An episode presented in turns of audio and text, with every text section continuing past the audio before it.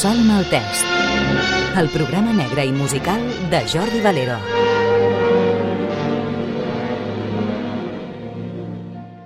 Benvingudes i benvinguts al fascicle número 12 del Mussol Maltès. Avui toca parlar-vos de Gimlet, del còctel i de la revista. A veure què us semblen. Gimlet, si ho pronunciem en català o castellà. Gimlet, si ho pronunciem en anglès. Vosaltres trieu. El Gimlet va ser un còctel abans que una revista.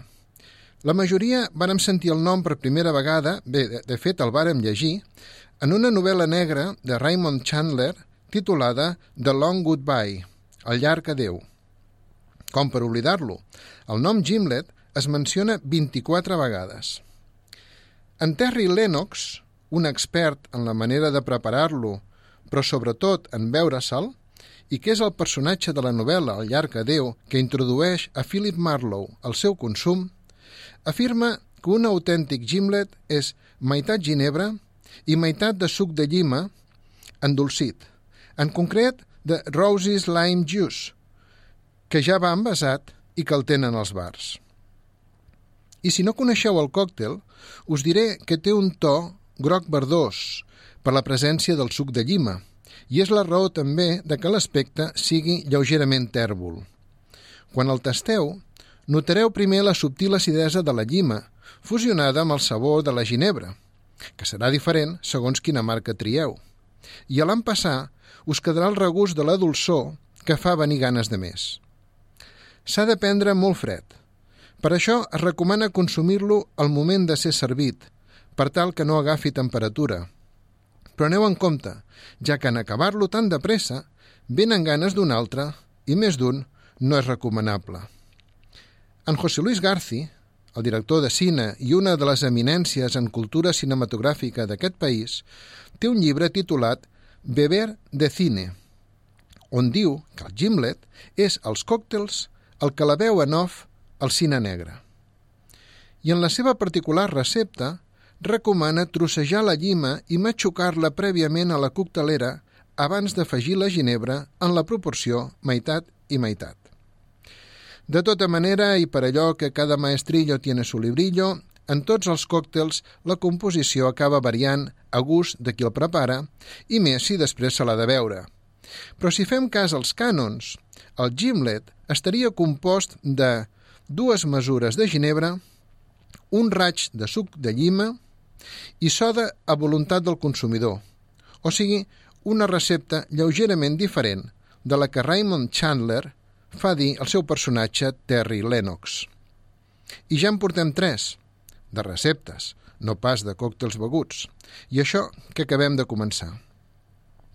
Raymond Chandler, el gran escriptor americà de novel·la negra i creador d'en Philip Marlowe, potser el detectiu de ficció amb el nom més conegut arreu, va posar el còctel, que se'l coneix des dels anys 20 del segle XX, altre cop damunt la barra dels bars de copes, especialment si el bar es deia Víctors, a partir de 1953, any en què es va publicar la novel·la The Long Goodbye, El llarg adeu.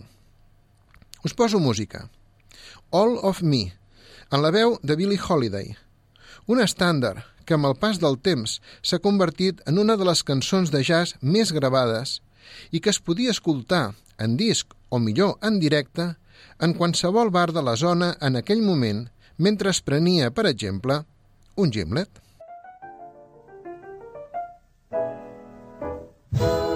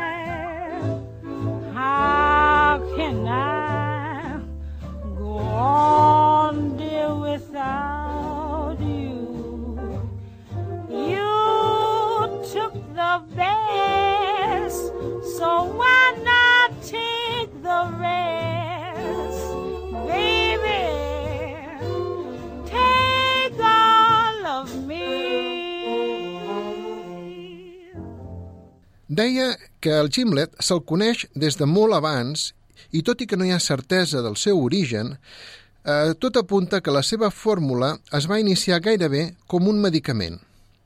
Ja veureu.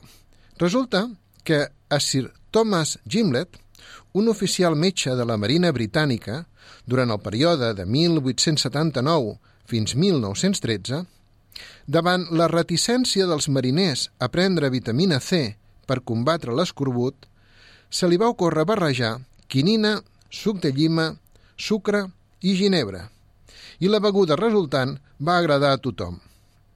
En quant al nom, i tot i que el cognom Gimlet fa pensar que Gimlet en seria una versió, sembla que tindria l'explicació en què els contenidors que portaven el suc concentrat de llima duien una barrina per poder-los obrir. I barrina, en anglès, és precisament gimlet. El seu consum esdevindria costum i ja en el continent agafaria dimensió de còctel elegant i sibarita. I la primera constància de que serveix així data de 1928, segons menciona Douglas B. Wilson en la seva obra I'll never be cured and I don't much care. Mai em curaré i no m'importa gaire. I no parla de cap malaltia, sinó que parla de la seva afició pel golf i menciona el tas del gimlet precisament al bar de la Casa Club del camp de golf on era soci. La novel·la El llarg adeu va ser adaptada al cine el 1973 amb el mateix títol per Robert Altman, protagonitzada per Elliot Gould. Ah, i surt l'Arnold Schwarzenegger, en calçotets, en un paper tan breu que ni tan sols el van acreditar. La crítica del moment va ser més desagradable que no pas al contrari, i no anava desencertada. El guió, fet per la Late Brackett, reinventa tant la novel·la que costa reconèixer-la, però el que, al meu entendre, l'invalida definitivament a rebre el nom d'adaptació de la novel·la original és que en cap escena, i quan dic cap, és cap, es serveix un gimlet. I això és imperdonable. Per tant, del llarg adeu, com a film, només val la pena recordar el final, que no us el rebentaré, i el tema musical principal composat per l'inigualable John Williams. La banda sonora sencera no deixen de ser variacions del mateix tema. Us poso un tall d'una d'elles, la que canta Clyde King. There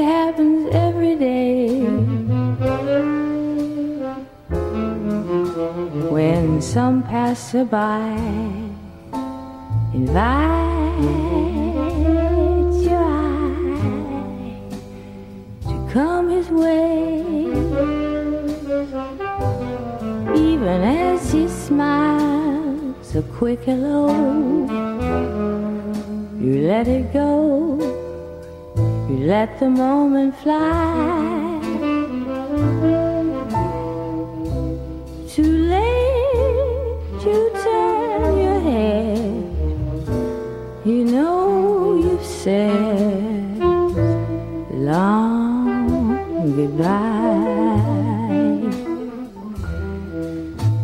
Can you recognize the theme? Down some other street, two people meet as in a dream,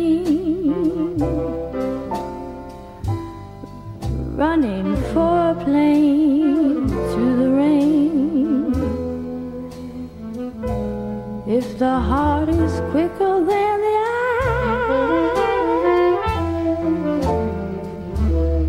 they could be lovers until they die. Per internet hi ha molta gent espavilada que, sense haver llegit l'obra de Chandler, afirma que el gimlet és la beguda preferida de Marlowe, o també que veu gimlets a The Big Sleep, el sueño eterno, la gran dormida. Tot fals. Només tenim gimlets al llarg a Déu, pel que fa a Chandler, però altres autors, fent-ne homenatge, sí el van incloure en les seves obres. I el 23 de febrer de 1981 havia de ser presentat en societat com el nom escollit per una revista barcelonesa dedicada al gènere negre i policíac. La revista no va poder escollir millor dia de naixement, ja que mentre l'equip que l'anava a crear ho celebrava en el desaparegut restaurant La Odissea de Barcelona, a 600 quilòmetres, a Madrid, el Congrés dels Diputats estava sent assaltat per uns guàrdies civils armats en el que passaria la història com l'intent del cop d'estat del 23F. Avui fa gràcia recordar-ho, perquè tot va quedar en una mascarada que algú haurà d'aclarir algun dia. Però el cert és que en aquell moment molta gent va tenir por i la de més edat va recordar experiències de la postguerra que no esperaven tornar a viure mai més. La repressió franquista i el nodo van tornar a planar damunt els nostres caps com un voltor hàbit de sang i fetge. Però, per sort, tot va quedar en no res i convé posar-li humor i imaginació i com que les casualitats en novel·la policíaca no existeixen, tot fa pensar que els del cop d'estat, si van triar aquell dia, devia ser per boicotejar la presentació de la revista. Els 40 principales d'aquell any, el termòmetre de la música comercial del moment, s'escoltava, entre altres, Hold on Sight de l'Electric Light Orchestra, amb una lletra que incita a aferrar-se als teus somnis.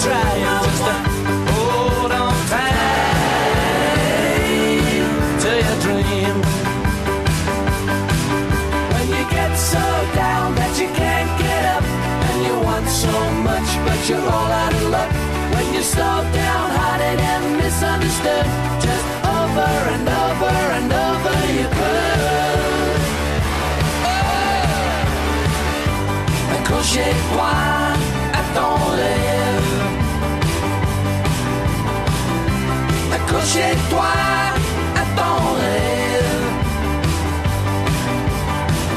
Quand tu vois ton bateau partir, quand tu sens ton cœur se briser, accrochez-toi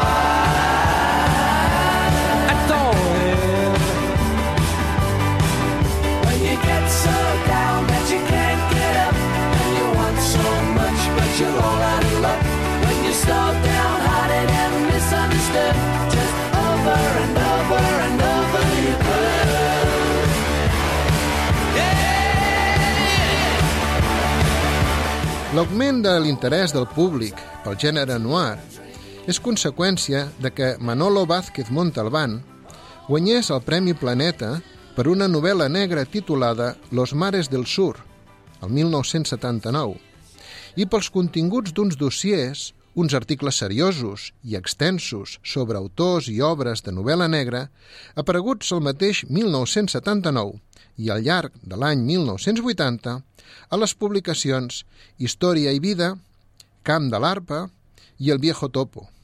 I probablement això fes pensar a uns llançats editors que hi havia mercat potencial per una revista mensual dedicada al gènere noir.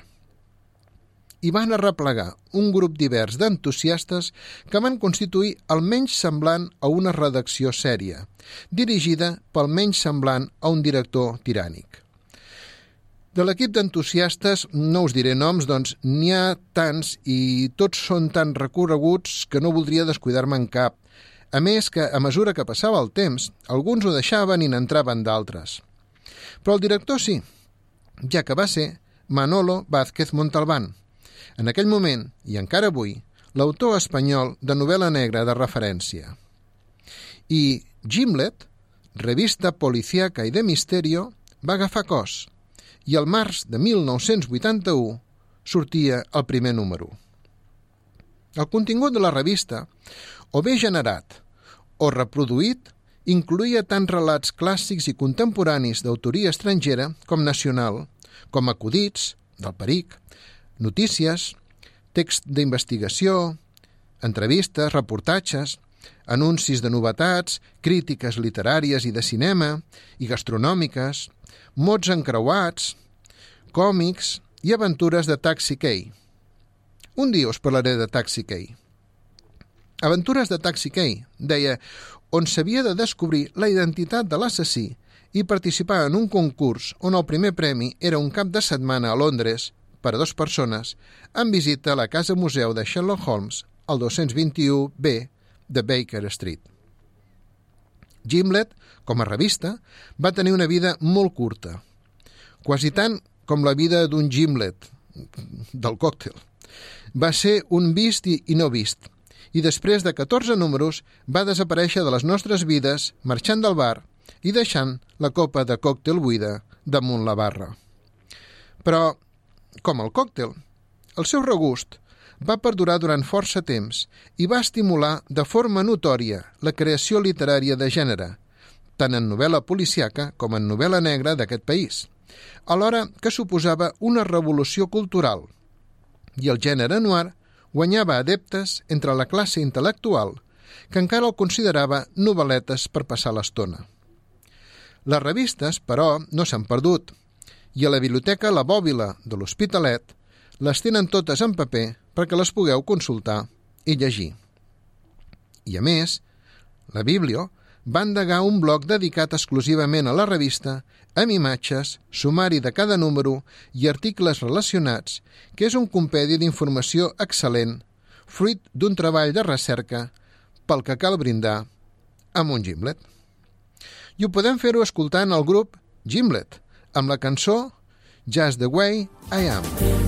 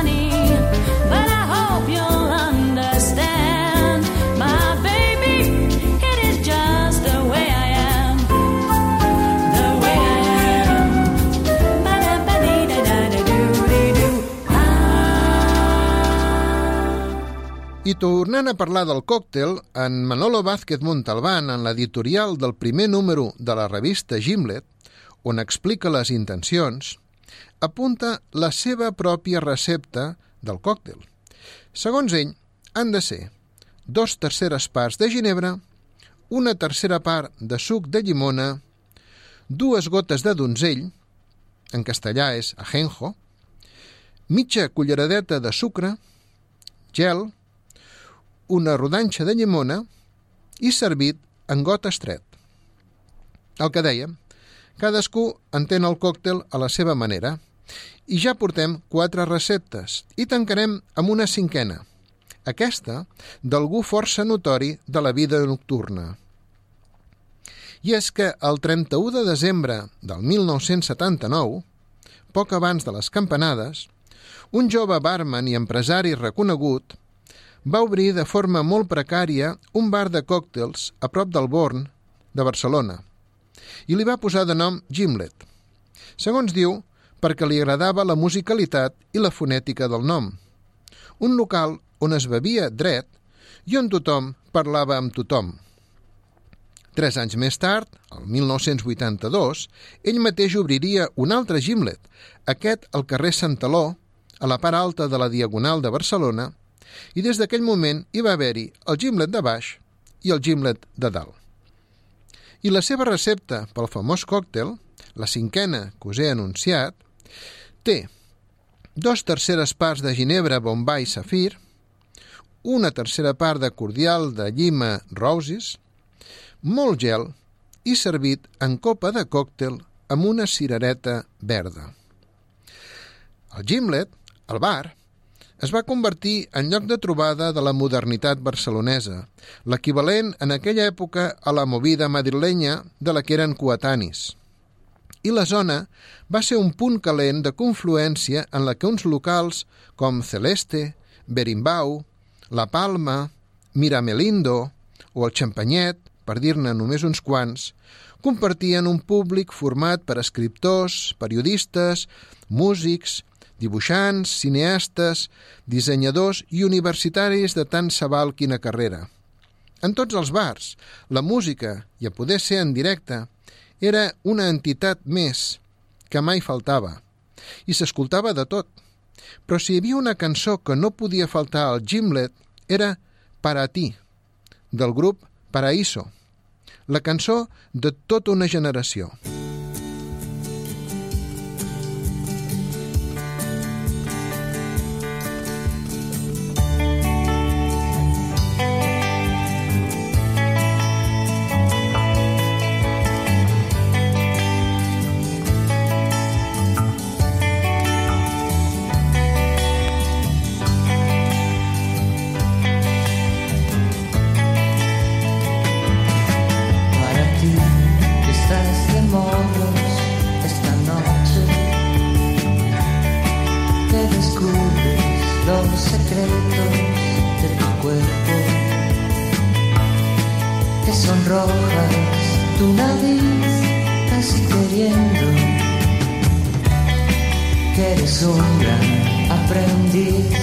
de seductor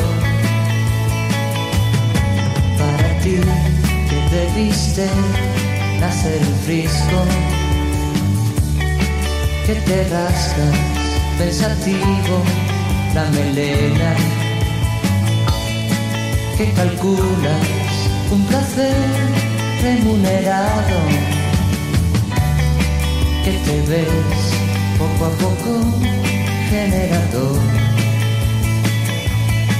para ti solo tienes 15 años cumplidos para ti que no desprecias ningún plato lindo para ti que aún careces de prejuicios bobos para ti lleno de infantil egoísmo del lobo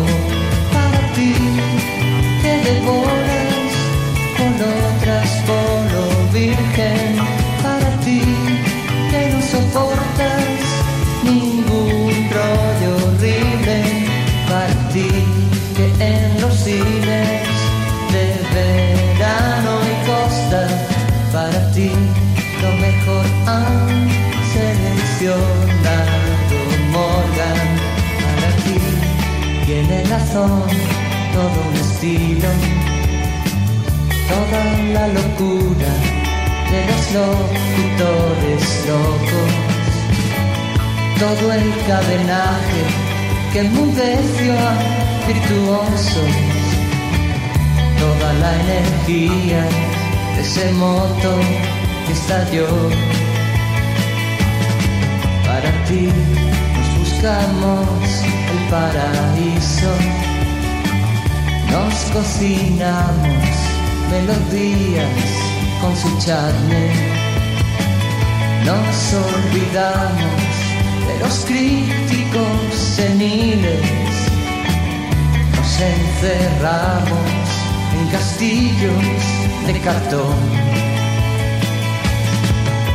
Ti que solo tienes 15 años cumplidos, para ti que naciste en tiempos asesinos, para ti que te llevas a las nenas de calle, para ti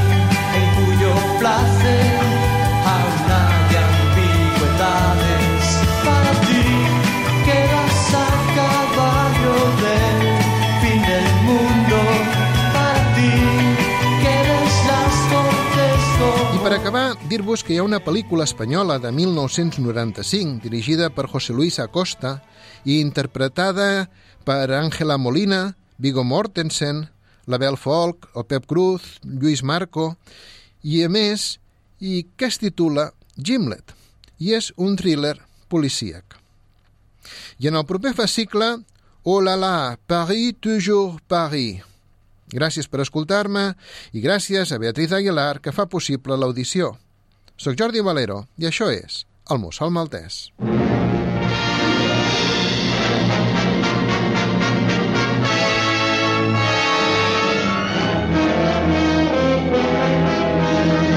Recordeu que podeu escoltar tots els fascicles del Mussol Maltès a la web de Ràdio Sabadell 94.6 i també a les principals emissores de podcast. Per qualsevol comentari podeu adreçar-vos a jordivaleros.gmail.com